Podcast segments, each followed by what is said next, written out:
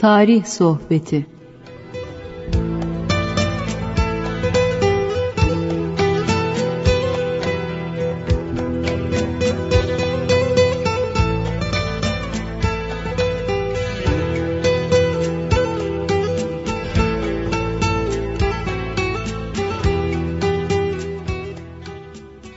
Merhaba kıymetli dinleyenlerim. Bir tarih sohbetine daha sizlerle buluşmaktan dolayı mutluyum, sevinçliyim. Bugünkü yayınımız esasında öncelikle ekibimi tanıtmak istiyorum. Teknik Masada Muhittin Yaygıngöl bizlere yardımcı olacak. Gökhan Güler Bey de sizlerden gelecek telefonlara cevap vermek üzere sual telefonlarına hazır bekleyecek ve programı hazırlayıp bir saate yakın müddet içinde sunmaya çalışacak olan ben İsmail Yağcı, bütün dinleyenlerime inşallah hayırlı, güzel bir vakit geçirmeye çalışacağız. Niyetimiz öyle. Kısmetimiz inşallah kısmetimiz de öyle olsun canım. Hep beraber dua edelim. Malum canlı yayına telefonla konuk alamıyoruz. Ee, ancak siz telefon edebiliyorsunuz. Hatta onu istiyoruz da etmenizi de istiyoruz. Yönetmenimiz suallerinizi alıyor. Biz daha sonraki sohbetlerde onları cevaplandırmaya çalışıyoruz. Çünkü canlı yayına telefonla aldığınız zaman insanlar bazen kendi işlerinden geçen şeyleri söylemek istiyorlar. Yani sual sormaktan öte e, böyle bir hani e, insanlara bir, haberler vermek, bir şeyler yapmak istiyorlar ki bu uygun olmuyor. Yayın politikamız da uygun değil bizim. Usulümüze, prensiplerimize de uygun değil. O bakımdan lütfen bizi bağışlayın. Bize ulaşacağınız telefon numarası 0212 alan kodundan 454 56 46. Faksımız var. Faksımız da aynı alan kodundan 454 56 26'dır. Radyomuzun mail adresi var. Mail gönderebilirsiniz. Şunda, şu anda da gönderebilirsiniz. Daha sonraki zamanlarda da gönderebilirsiniz. Radyomuzun mail adresi tgrt-fm.com.tr yani etrumuzun iki tarafında da tgrt-fm var. Şahsi mail adresim de ismail.yagci41 Bu adresime de e, her zaman mail gönderebilirsiniz. Tarihi sorularla ilgili göndermenizi istirham ediyoruz. Bu soruların da cevapları kısa olacak şekilde ayarlarsanız daha iyi olur. E biz nasıl ayarlayalım? Efendim büyükler öyle buyuruyor. Soru sormak ilmin yarısıdır buyuruyorlar. Yani bir kimse bir soru soruyorsa e ne var ne yok diye bir soru sormak değil tabii bu. Yani bir ilmi konuda soru soruyorsa o konuda kendinin bildikleri var da bilemediklerini ilave etmek istiyor demektir. Yani ilmin yarısını biliyor demektir. Biz zaten bütün sual gönderen dinleyicilerimizin bu konuda ilmin yarısını en azından hatta hepsini bildiklerine inanıyoruz. Evet, bunları verdikten sonra her hafta olduğu gibi efendim 1082 yıllarında kaleme alınmış olan, yazılmış olan Kabusname isimli kitaptan alıntımıza geçeceğiz. Malum bu kitap Köhistan Sultanı İskender bin Kabus'un kalem aldığı bir kitaptır. Onun için de adına Kabusname denmiştir. Aslı Farisi olarak yayınlanmıştır. Yazılmıştır yani. Ondan sonra da çeşitli dillerde yayınlanmıştır. Türkçesi de vardır bu kitabın. Oğlana nasihat eder gibi yapmış ama vasiyet eder gibi yapmış üstelik ama bizlere de çok işe yarayan şeyler söylemiş rahmetli. Allah gani gani rahmet eylesin. Ve bir şey umduğun yerden de sakın çok ümitli olma. İnsanlar bir yerden bir şey ümit eder. Efendim, öyle bekler. Nereden bekleyeceğiz efendim? Kitaplar ne diyor? allah Teala'dan bekleyeceksin. Allahu Teala dilerse Ahmet'in elinden de verir, Mehmet'in elinden de, de verir, efendim Pol'ün elinden de verir, daha başka bir gayrimüslimin elinden de verir. Dilerse sana sana bir şeyi dilediyse Rabbimiz onu bir kulu vasıtasıyla, bir, bir vasıtayla gönderir. Sadece kulu da olmaz yani. Efendim, yarattıklarını manası bir yaratığıyla da gönder yarattığıyla da gönderebilir Allahu Teala. Evet. İnsandan ümit edersek tehlikeli olur. Ondan sonra da gelmez. O insandan gelmediği için de o insana karşı kırılırız. Kalbimizi kuldan gelecek şeylere bağlamayalım buyuruyor rahmetli. Gelecek mi? Gelir. Ama çok ümitli olma. Hep ona bağlanma. Ya kalbini allah Teala'ya bağla kardeşim. O gelecek şey niye bağlıyorsun? Ona bağlamanın bir zararı yok. Ama kuldan gelecek bir şeye bağladıkça çok da ümit ediyorsan felaket başladı demektir. Gelse de hoş, gelmese de hoş. Gelse de belki sana, sana zarar verecektir o. Neden çok ümitli olma buyuruyor? Çünkü genelde nasip umduğu yerden değil, ummadığı yerden gelir. Umumi olarak insan hayatında görülmüştür ki diyor, İnsan umar, ah şuradan şu olsun, şu olsun, şu olsun. Hiçbiri de olmaz. Olmuyor. Şimdi bir de bunalıma giriyorlar. İşte biz tutsak da okullarda belki bu diliyle beraber değil, kabusnam eden bu alıntıları şöyle hakikaten inançlı kardeşlerimiz, ilim sahipleri bunu kaleme alsalar ve okullarda bu öğrencilere okutulsa, adına da ne bileyim ben nasıl vatandaşlık bilgileri diyorsak, nasıl matematik diyorsak, biyoloji diyorsak, işte bunun adına sosyal bir şey uydururlar. Yani sosyale almışlar bir defa. Eflatun'dan, Sokrat'tan bilmem nereden. Biz buna şöyle insani bir ad koysak olmaz. Bilimsel olmaz. Sosyal dedin mi tamam işte. Ya, ya kardeşim şimdi bak bilim görüntüsü var bunda ya. Öyle alışmışız. Niye bu kadar aşağıdan alıyoruz ki? Ecdadımız bunu sosyal diye mi kullanıyordu? Hayır. Öyleyse insanlar, çocuklar mesela karne alırlarken problemler yaşıyorlar. Canına kıyanı bile oluyor efendim. İşte burada ne buyuruyor? ekseriya yani genel manada umumi olarak nasip umduğu yerden değil ummadığı yerden gelir. Ne yapacaksın? Niye bu kadar kötü bir hale düşüyorsun ki? Niye kuldan bir şey bekler bir hal alıyorsun ki? Evet. Efendim kabusnameyi yazmış. Allahu Teala gani gani rahmet eylesin.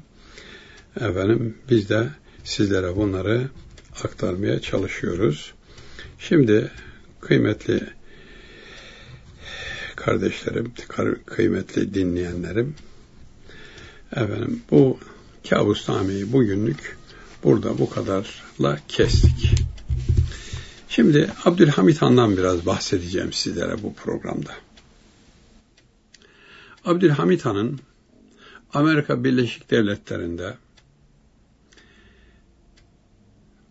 meydana gelmiş olan bir sel felaketindeki muhtaç insanlar için efendim bunu Avrupa basınından takip ederek oraya bir sel yardımı gönderme hadisesi vardır. Bunu inşallah sizlere anlatmaya çalışacağım. New York Times gazetesi 4 Akım, 4 Ekim 1900 tarihli yani Abdülhamit Han daha tahttan inmemiş 9 senesi var inme, indirilmesine. O 1900 tarihli nüshasında diyor ki Sultan II. Abdülhamit Han Amerika Birleşik Devletleri'ne sel yardımı göndermişti. Manşeti bu.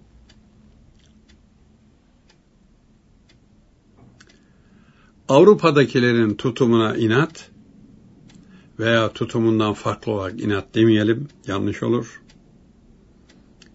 Bu Amerika Birleşik Devletleri'nin Osmanlı'ya dostane ifadeleriydi. Şimdi ne yapıyor New York Times? Neler yapıyor? Şimdikiyle alakamız yok bizim. Biz o günü anlatacağız size inşallah. Şöyle yazıyor bakınız. New York Times'in 14 Ekim 1900 tarihli nüshasında. İnsan olarak Abdülhamit Han çok gayretli, kurnaz, yetenekli, benim diyen diplomata taş çıkartacak kadar becerikli, devlet işlerini çevirmekte akıllı bir politikacı ve üstün bir zihindi. Şimdi Orta Doğu'yu üst akıl dediğimiz sahte akıllar karıştırmaya çalışıyor. Akıl karıştırmaz ki efendim. Akıl doğruyu yanlıştan ayırır ve doğruya sevk eder. Bunlarınki üst akıl değil. Bunlarınki baş fitne belki de bugün yapılanlar. Milyonlarca insanlar evlerinden, barklarından, işlerinden, güçlerinden, doğdukları yerlerden, efendim koştukları tarlalardan, kırlardan kopartılıyor böyle. Tırnakları sökülerek kopartılıyor. Gidin buradan diyor. Gitmezseniz öldürürüz size. Demiyorlar da der gibi hareketler olunca insanlar da bizi bunlar öldürecekler diye oradan ister istemez kaçıyorlar. Kaçıyorlar, geliyorlar. Bir çadıra sığınıyorlar. O da en iyi şartları Türkiye'de yaşıyorlar. Çadırların önüne malum çadır halkında hanımlar da var ya efendim. O hanımlar da evlerinin belki de o köylerinde, kasabalarında küçücük bir bahçesi de veya büyüyecek bir bahçesi de vardı. Evinin maydanozunu, domatesini, salatalığını çocuklarına taze taze kütür kütür yedirmek için o küçücük bahçede yapardı. Getiriyor çadırın kenarına, çadıra zarar vermeyecek şekilde iki teneke toprak döküyor. Oraya bir domates fidesi dikiyor. Yurduna kavuşmuş gibi oluyor. Peki bu insanları bu kadar sevdikleri, kalben bağlı kaldıkları topraklardan kopur, koparmanın vebalini nasıl ödeyecekler bunlar? Daha başka çektikleri eziyetler, tabii çadır hayatını yaşamayan bilmez. Bizim gençliğimizin çoğu çadır hayatı deyince işte sahillere gidip kumların üzerine çadır kurmak, denize girmek, orada gidip bir büfeden işte gazoz, tost bilmem ne alıp çadırda yaşıyorum ben. Vah canım acıdım sana çadırda yaşamana demek lazım. Çadırda öyle yaşanmaz.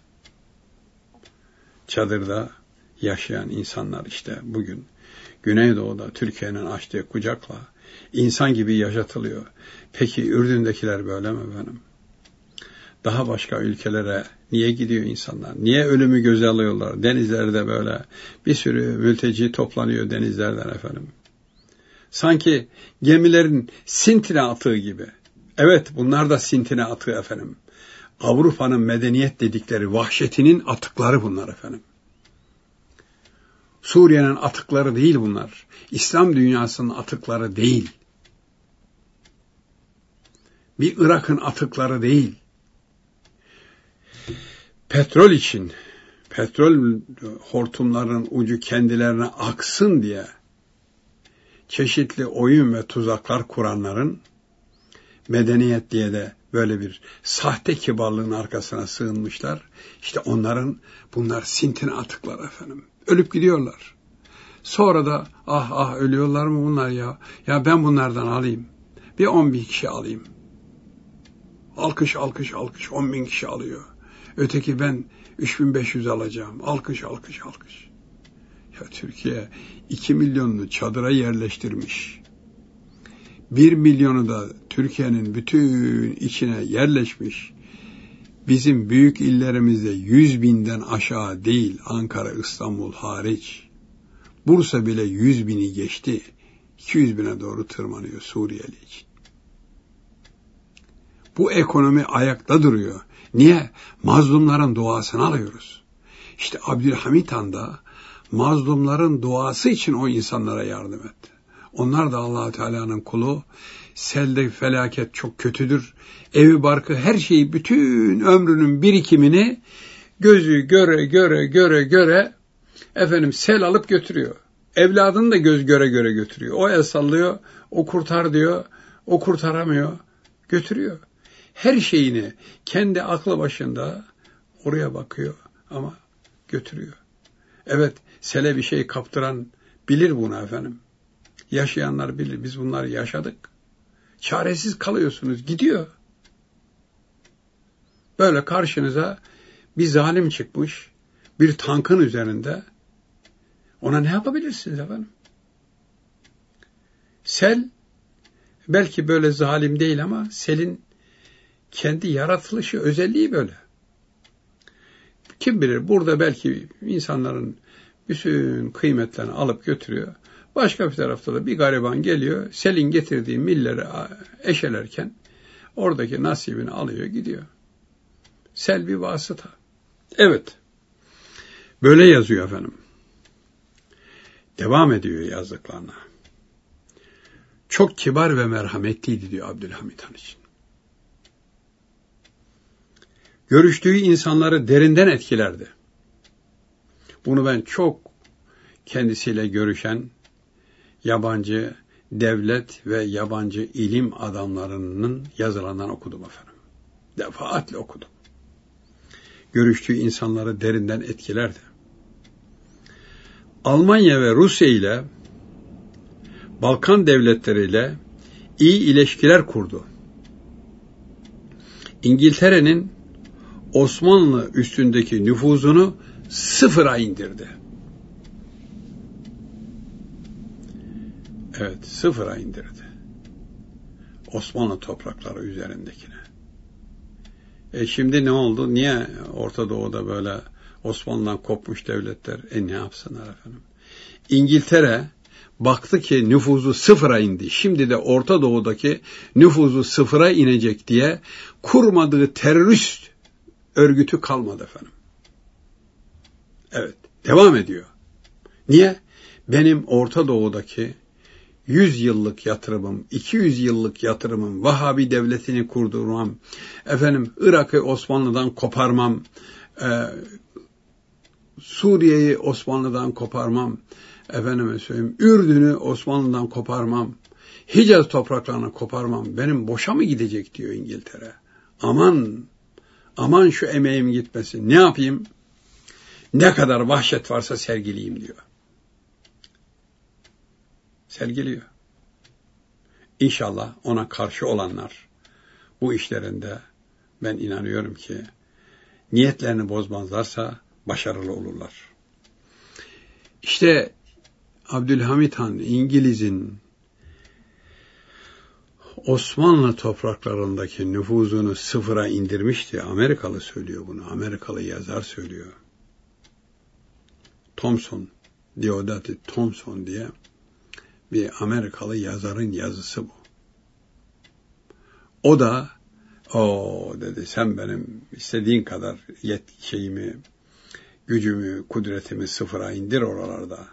Ben senin içinden öyle bir hainler bulurum ki, iddihatçıları, yön Türkleri bulurum ki, onlara acık böyle para veririm. Bir de siz aslansınız ya şu başınızdaki Kızıl Sultan'ı bir atın derim. Ben seni bir indirttireyim de. İndirttikten sonra yetmedi, tahtından etti. İki bir de hürriyetinde edip Selanik'e sürdüreyim mi? Orada da hapishaneye attırayım. Dokuz sene zulmetti efendim. Dokuz sene İngiltere zulmetti. Ama allah Teala İngiliz'in İstanbul'u işgalinde Abdülhamit Han'ın İngiliz tutsağı olmasını nasip etmedi. Büyük insandı efendim. 10 Şubat 1918'de rahmete rahmana vardı. allah Teala gani gani rahmet eylesin. allah Teala onu muhafaza etti. İngiliz'in zulümüne düşmek. İngiliz başarılı komutanın getirin bakalım şu Beylerbeyi Sarayı'ndaki tutuklu Hakan'ı sabıkı da bir görelim. Kimmiş derdi efendim. İngilizler bu hainliği çok yaparlar. Almanlara bunu çok yaptılar. Ama şimdi Almanlar ne hikmetse bu kendilerini aşağılayan İkinci Dünya Harbi'ndeki İngiliz generallerini unuttular. Şimdi dostlukları sürüyorlar. Çok sürmez efendim. Çok sürmez. Dünya büyük bir tehlikeye karşı hızla koşuyor. Bakalım ne zaman bu koşu bir yerde duracak. Birinci Dünya Harbi'nde insanlığın kaybı 10 milyon kişi. İkinci Dünya Harbi'nde 60 milyon kişi. Yani 10 milyonun 6 misli. Eğer eğer yani yüzde 600 evet eğer bir üçüncü dünya harbi ki birçok dengeler gösteriyor ki böyle birçok devletler kendi aralarında gizli bloklaşmalar ve gizli savunma, karşılıklı savunma anlaşmaları imzalıyorlar. Bu bir yerde birçok kimsenin birçok kimseyle menfaati var ama asgari müştereklerde birleşilirse iki grup haline gene İkinci Dünya Harbi gibi dönecek. O zaman da bu artık 60'ın karşılığı herhalde en az 500 milyon insandır efendim. En az beklenen 3. Dünya Harbi'de 500 milyon insan. 500 milyonda 3. Dünya Harbi çıkıncaya kadar öldü. Hala ölüyorlar. 1 milyar insana mal olacak, çıkacak 3. Dünya Harbi. Buyurun beyler, ister çıkarın, ister çıkarmayın demek lazım.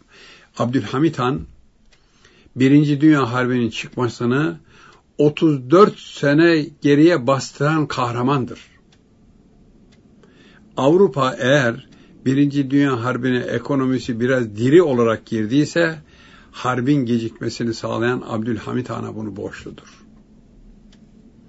Ama bunu bilmediler, takdir etmediler. allah Teala onların da mutlaka cezasını verecek. Sultan Abdülhamit Han devrinde diyor Thomson yazar, eğitim, teknoloji ve bilimdeki ilerlemeler çok övülecek durumdaydı diyor. Onun devrinde eşkıyalığın Balkanlarda tamamen kalktığını görürsünüz diyor. Evet. Doğuda ise hatır sayılır ölçüde eşkıyalık azaltılmıştır. Söndürülmeye çalışılmıştır diyor. Yine Abdülhamit Han'ın devrinde kadınların sosyal hayatta büyük ilerlemeler kaydettiği görülür diyor. Kurduğu kadın mekteplerinde getirdiği kıymetli öğretmenlerle bütün kadınları eğitime almıştı Abdülhamit Han. Kim demiş Osmanlı şehzadeleri cahildi, okumaları yoktu, imzalarını bile atamazlardı diye. Üç gün sarayda kalmış, mabeyinde çalışmış bir mabeyin katibi, Cumhuriyet dönemi gelince, Cumhuriyet dönemindeki bu efendim Osmanlı aleyhtarı konuşmalara bakarak o da ya zaten bunlar cahil cühela bir adamdı. Ya cahil cühela bu kadar yeri idare edebilir mi? Olur mu öyle şey? Cahil cühela bir devlet. Bugün Çin'in başkenti Pekin'de halen çalışmakta olan medreseyi kurar mı efendi? Aklını başına deşir derler adama. Erzurum öyle der. Aklını düşür. Aklını başına düşür. Evet.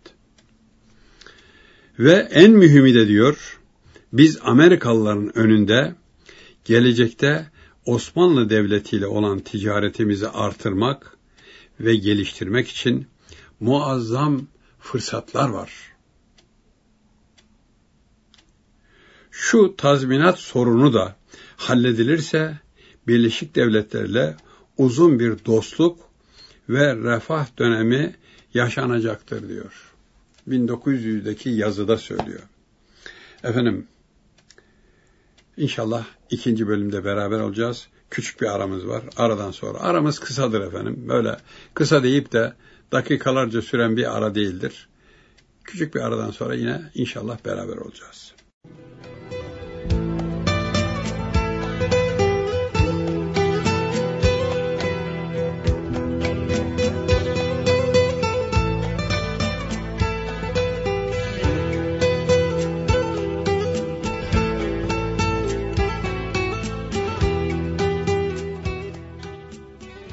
Evet, kıymetli dinleyenlerim, tarih sohbetimizin ikinci bölümüne başlıyoruz.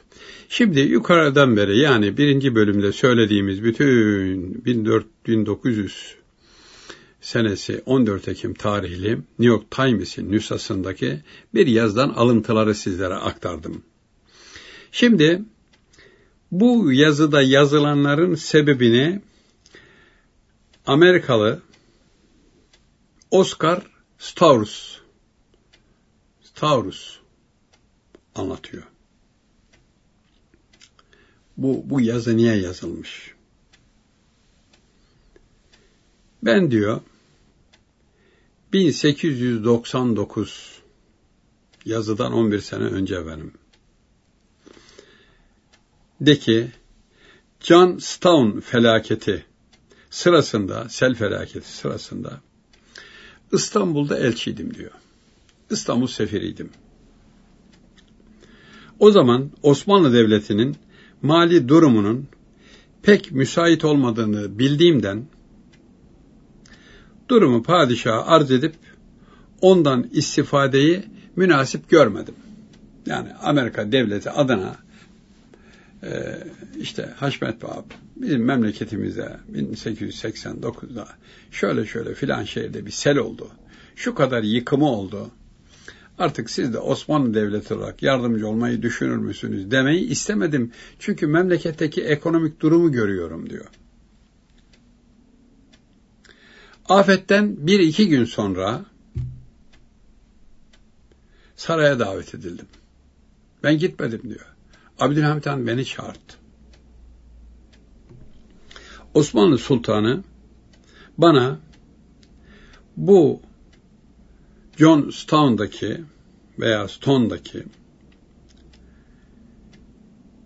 sel felaketinden çok üzüldüğünü söyledi. İhsan etmeyi düşündükleri yardımı memleketime ulaştırıp ulaştırmayacağımı, sana zahmet olacak ama benim göndermek istediğim yardımı memleketine ulaştırabilir misin diye bana sordu. Şu nezakete bakar mısınız efendim? Osmanlı Devleti yoklukla uğraşıyor, savaşıyor, harp ediyor. Sordu ve benim cevabımı beklemeden 200 lirayı önüme bir zarfla koydu diyor.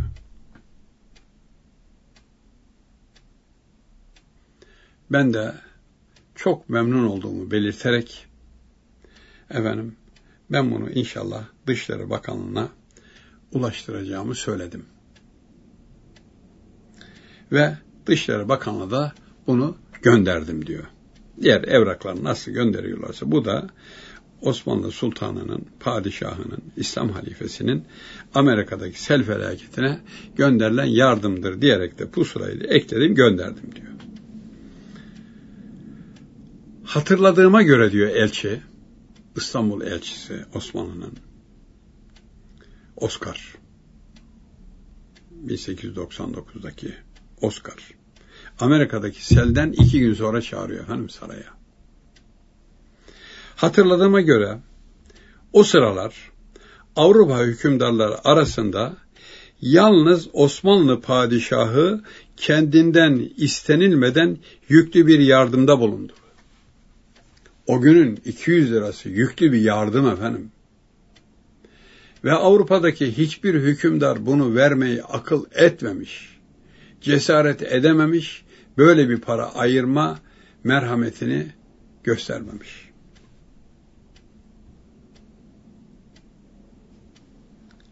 Sultan Amerikan halkı hakkında dostane duygularını ortaya koydu. Bu elçinin John Stone felaketi dediği 1899'da olan ve Amerika Birleşik Devletleri'nde 100 yılın büyük felaketi olarak gazetelerde yazılan 100 yılın felaketi yani 1800'lü yılla 1900'lü yıl arasındaki 19. yüzyılın felaketi olarak yazılmış sel baskınıydı. Şiddetli yağmurların ardından başlayan ve yaklaşık 2000 kişinin öldüğü Amerika'da binlerce insanın evsiz barksız kalmasıyla neticelenen bu felaket Amerika'da yağmacıların ölülerin ceplerini yırtarak paralarını, parmaklarını keserek parmaklarındaki yüzüklerini, başka değerli eşyalarını almaları da çabasıydı. Burada İslam halifesi bir Müslüman devletin de hükümdarı, padişahı Abdülhamit Han Amerika'daki bu korkunç felakete 200 lira ben inanıyorum ki bu 200 lira parayı da kendi parasından cebi Hümayun'undan verdi. Ceybi Hümayun'undan verdi. Orada ise sel felaketi olan yerde Amerikalı ölenlerin ceplerinden paralarını efendim parmaklarını keserek yüzüklerini belki kadınların varsa bileziklerini alanlar da Amerikan vatandaşı. Ne kadar zıtlık var değil mi efendim? Ya insan eğer kalbi, vicdan, merhamet olarak iyi hislerle doluysa düşmanına da yardım eder. Var git der ona. En aciz halde yakalar, tetiği çekmez, var git aslanım der. Ama vicdanında bu yoksa, bu yoksa ben hatırlarım. İşte Türkiye'de böyle 68'de başlayan, Paris'te başlayıp da 67'de, 68'de Türkiye'ye sıçrayan üniversite olayları neticesinde 10 yıl Türkiye'deki olgunluğunu yaşayan bu terörizm o senelerde 76-78 senelerinde 8-10 yıl içerisinde örgüte para yardımı yapabilmek için anasından bileziklerini isteyen bir terörist öz anasından anası bilezikleri vermem deyince bileklerini kesti, anasını öldürdü, bileklerini kesti, bilezikleri acilen terör örgütünün çete başına götürdü, teslim etti. Öz anasının. İşte merhamet ve vicdanla toplumda eleman yetiştirmenin faydası bu. Eğer topluma siz merhametli, vicdanlı kimse yetiştirirseniz korkmayın. Bu sizin devletinize, milletinize, oturduğu memlekete ihanet etmeyeceği gibi insanlığa da ihanet etmeyecektir. Ama merhametsiz birisini yetiştirirseniz bugün ailelerdeki faciaları, ahlaksızlıkları, kötülükleri görüyoruz. Yetiştirirseniz bırakın şehri, köylüsü, hemşerisi falan filan hiç hiçbir dostluğu yoktur. Aile içinde de beraber kapıyı kapatıp yattıkları aile fertlerinden anasını babasını da üç kuruş için öldürecek insan yetiştirmiş oluruz. Birini tercih edeceğiz. Arkadaş o mu bu mu? Evet. Selden sonra 18 ülke dünyada gıda, ilaç, giyecek yardımı yaptı. O bölgeye ilk yardımı yapan ve ulaştıran Osmanlı Devleti oldu. Buyurun beyler. Rekor kitaplarına böyle saçma sapan şeylerle rekora gireceksin. Bu rekor kitabına girmez mi? Girmez mi?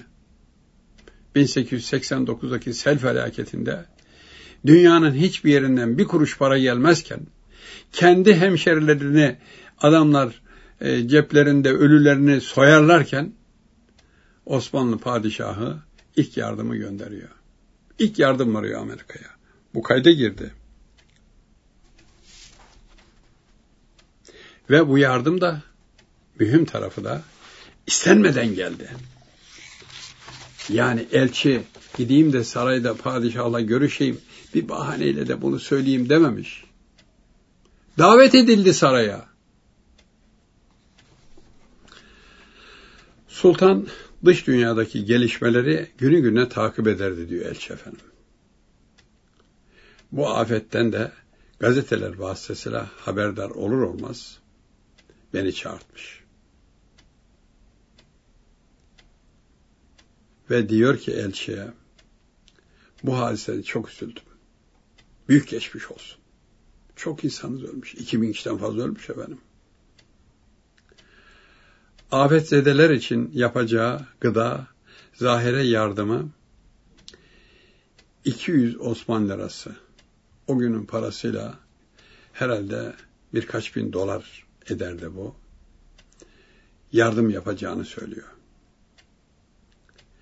Selden 5 yıl sonra yani 1899'a 5 eklersen 1894 olur.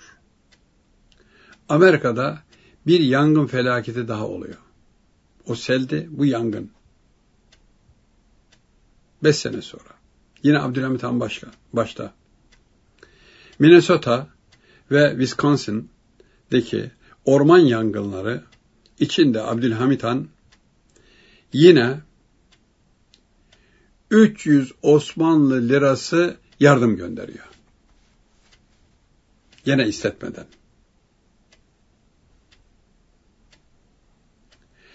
Amerikan gazeteleri 5 sene sonra Türk sultanından bu yardımlar için övgüyle söz ettiler.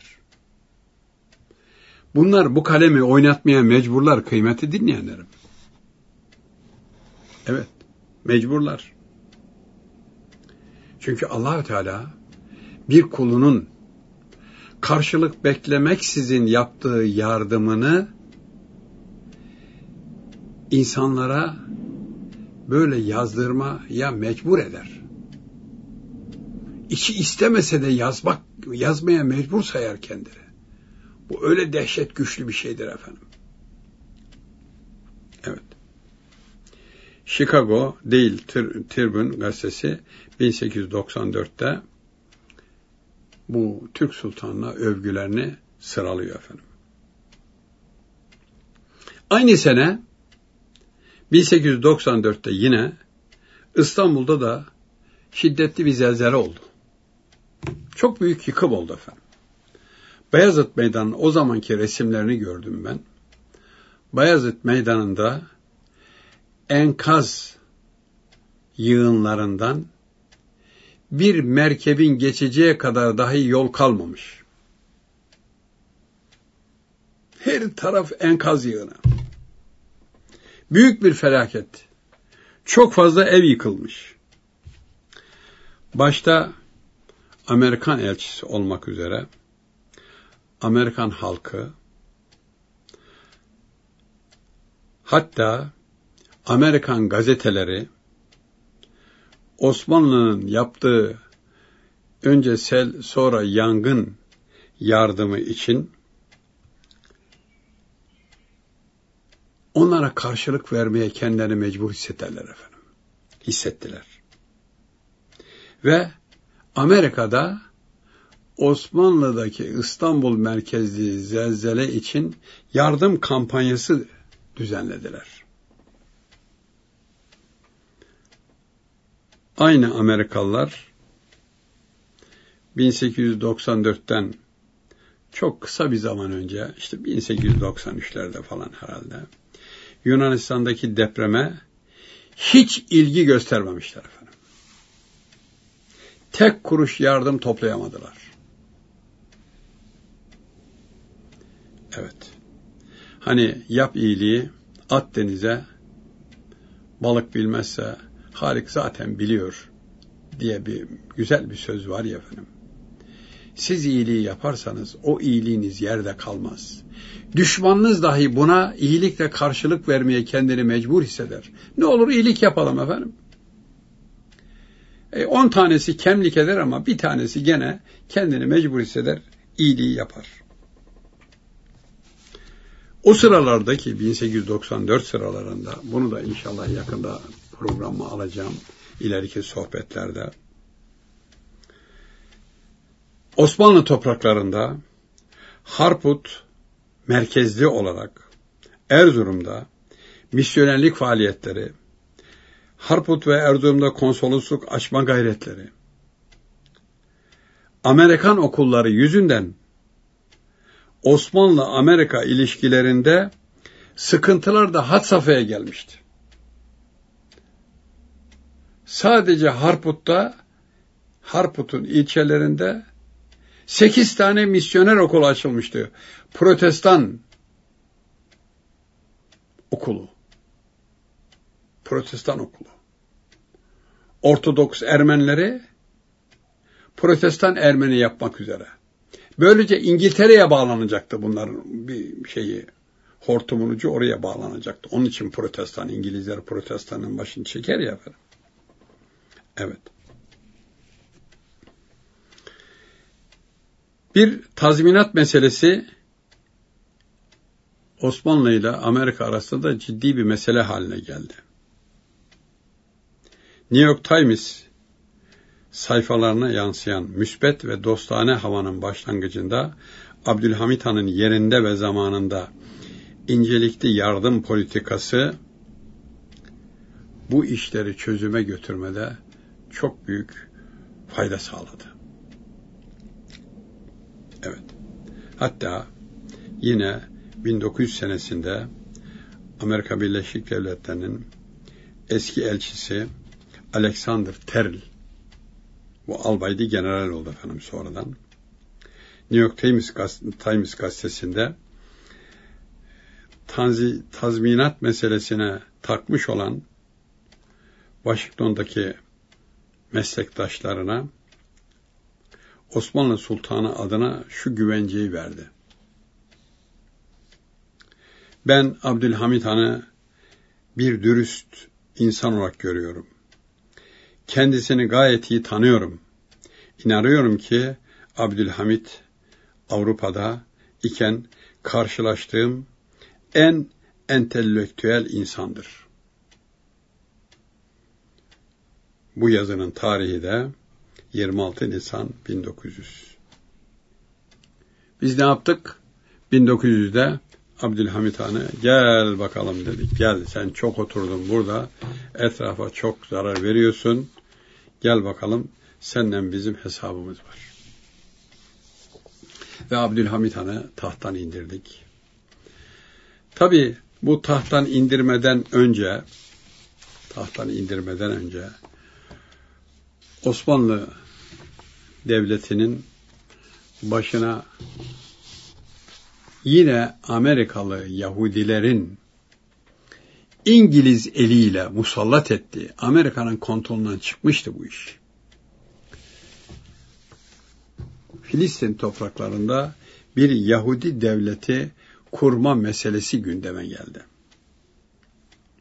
Abdülhamit Han buna karşı hayatını ortaya koydu. Ben Filistin'den bir karış toprağı sizlere vermem dedi ve vermedi efendim.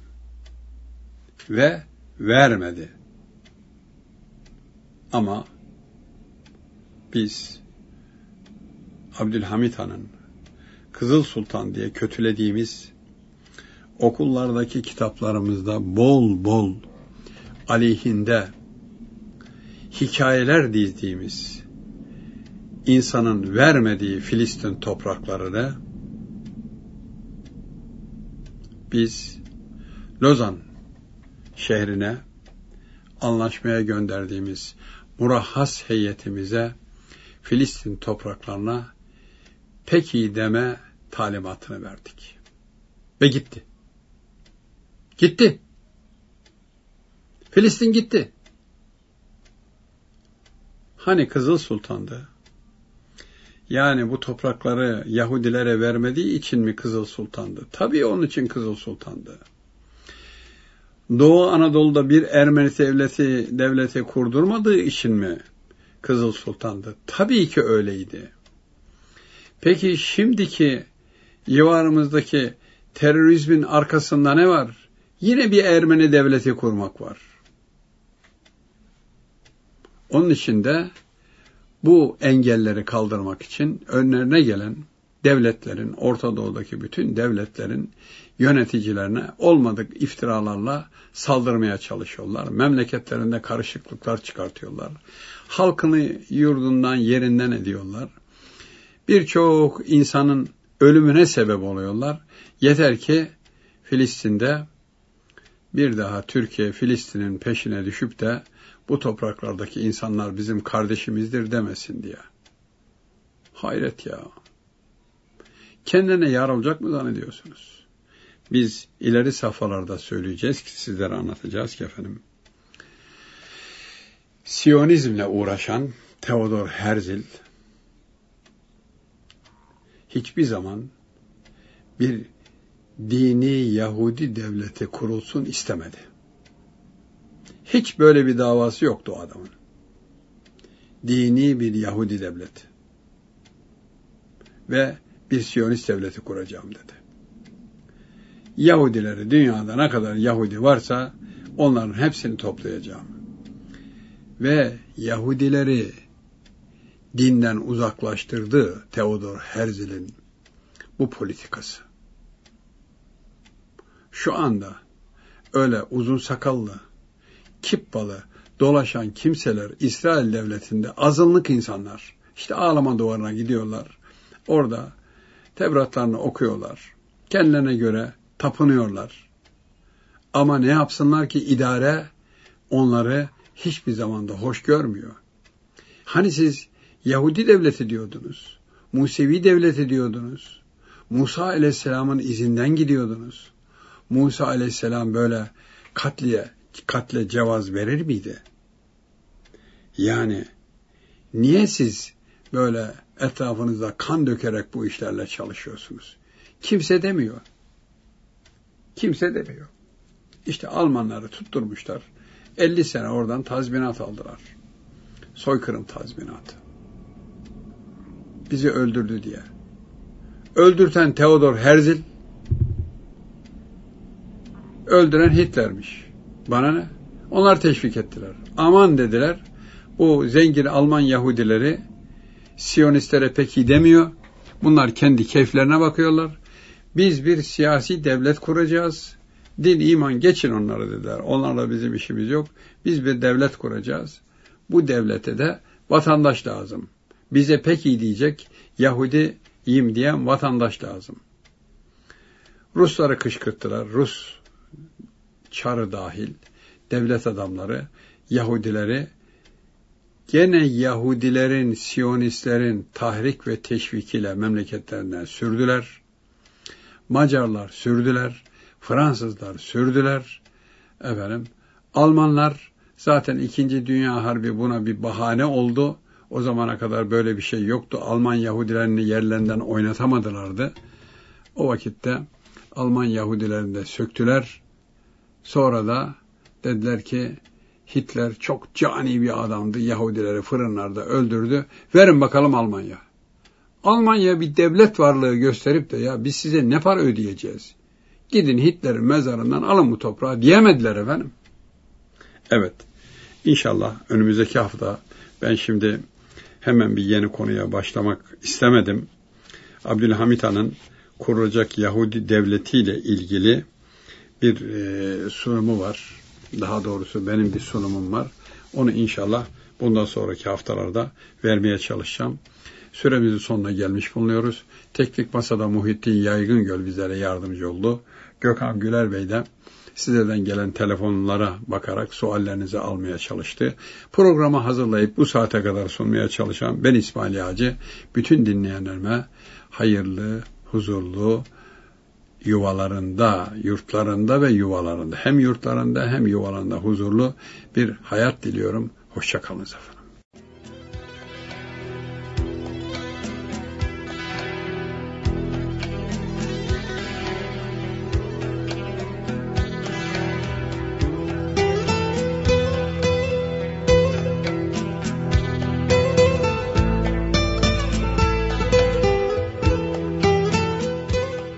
Tarih Sohbeti